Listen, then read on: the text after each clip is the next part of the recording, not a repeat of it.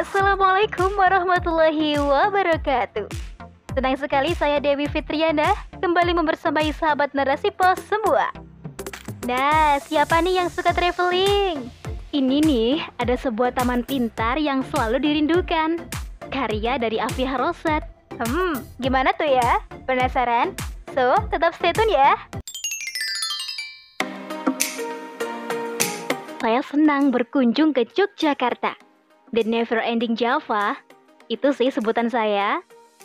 Ya, entah kenapa deh, daya tarik Jogja itu sangat kuat.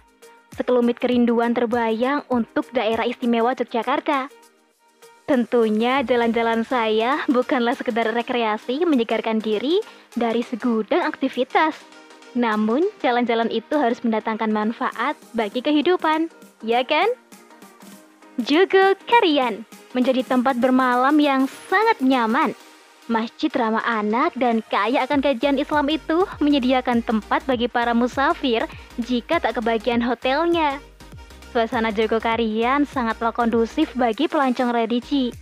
Tempatnya juga dekat dengan Malioboro. Di Jogja, banyak memang penginapan. Namun, saya lebih memilih Masjid Jogokarian agar memudahkan saya dan keluarga untuk mendekat pada Allah. Jangan sampai rekreasi yang kami lakukan nihil ruhiyah. Anak-anak konsisten sholat dan murojaah hafalan jika di masjid. Apalagi Masjid Jogokarian bertabur kajian Islam dan kegiatan islami anak. Saya juga berhati-hati memilih objek wisata. Jangan sampai berwisata hanya dapat senang-senang saja dan capek sungguh membuang-buang waktu saja. Apalagi sampai wisata mendatangkan dosa. Nauzubillah. Saya tak ingin perjalanan yang dilakukan itu sia-sia dan berbuah dosa. Selain ke Masjid Keraton, jatuhlah pilihan saya di Taman Pintar yang menawarkan berbagai edukasi bagi segala usia. Ya, Taman Pintar memang edwisata super asik yang kaya pengetahuan. Beberapa kali ke sana, rasanya sangat kurang. Waktu sehari berkeliling di setiap ruang saja tidaklah cukup. Taman Budaya yang beralamatkan di Jalan Panembahan Senopati nomor 1 sampai 3 Kota Yogyakarta ini selalu diminati para pengunjung, terutama pengunjung yang melakukan edwisata.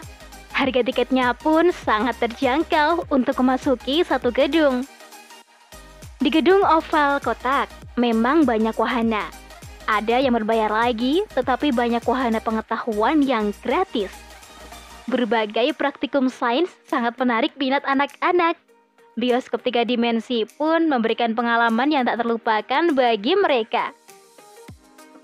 Saya bersyukur bisa menjumpai taman wisata yang edukatif saya dan anak-anak bisa merasakan langsung simulasi gempa lengkap dengan penjelasan ilmiah dan cara menghadapi gempa.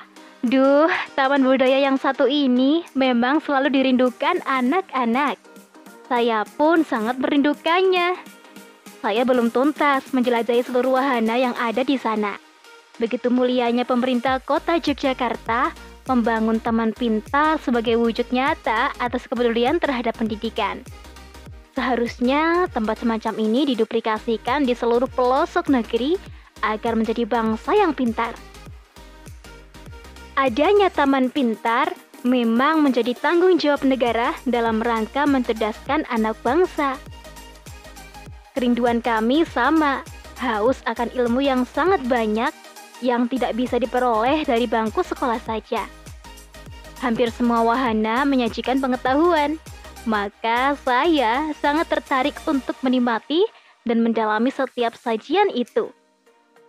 Aroma sains dan teknologi begitu dominan, namun pengetahuan umum lainnya juga sangat banyak. Saya sangat terkesan dengan violin listrik. Senarnya itu tidak tampak, tapi saat jemari ini memetiknya, ada suara indah terdengar. Saya pun cukup terkesan dengan kelengkapan gamelan di gedung oval. Saya menikmati permainan alat musik Jawa itu dengan penuh perasaan. Sebisa mungkin saya tabuh tiap gamelan sepenuh jiwa dengan terangkai alunan suara merdu yang menarik perhatian. Selain di ranah gamelan, saya pun terkesan di wahana gerabah. Di sana, setiap pengunjung bisa loh membuat bentuk gerabah sesuka hati. Melukis atau mewarnainya dengan sukacita. Harga tiket kreasi gerabah pun tak akan membuat kantong bolong loh. Bahkan hasil karya pengunjung dipersilakan untuk dijadikan buah tangan. Sungguh deh, sangat banyak pengetahuan sains dan pengetahuan umum lainnya yang terhampar di Taman Pintar. Sesuai namanya, sejarahnya pun begitu istimewa. Pembangunannya bertahap. Di setiap gedung ada sajian wahana yang berbeda.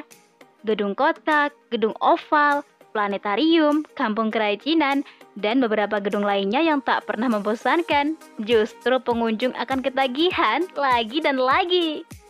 Hmm, tak akan ada habisnya deh untuk menjelajah taman pintar. Bukan sebatas keseruan yang diraih, tapi kepuasan intelektual akan terobati sekaligus bisa memahami pengetahuan itu. Setiap pengunjung akan dibuat kagum dengan desain sajian pengetahuan. Setiap dindingnya memberikan ilmu yang tak menjemukan. Hal sederhana sampai serumit apa pun ada di sana. Saya tak pernah puas dalam tiap kunjungan edukasi karena lengkapnya pengetahuan. Kerinduan demi kerinduan mengalir dalam setiap relung jiwa. Dalam benak selalu terbesit harapan bisa kembali ke sana walau setahun sekali lah ya. Taman Pintar, ya, itulah salah satu tempat eduwisata yang saya rekomendasikan untuk sanak saudara, sahabat, dan para pendengar semuanya. Ya, kiranya sampai di sini dulu ya rubrik traveling kali ini. Sampai jumpa di rubrik traveling selanjutnya. Tentunya di podcast Narasi Pos, cerdas dalam literasi media, bijak menangkal peristiwa kunci. Saya Dewi Fitriana. Bye-bye.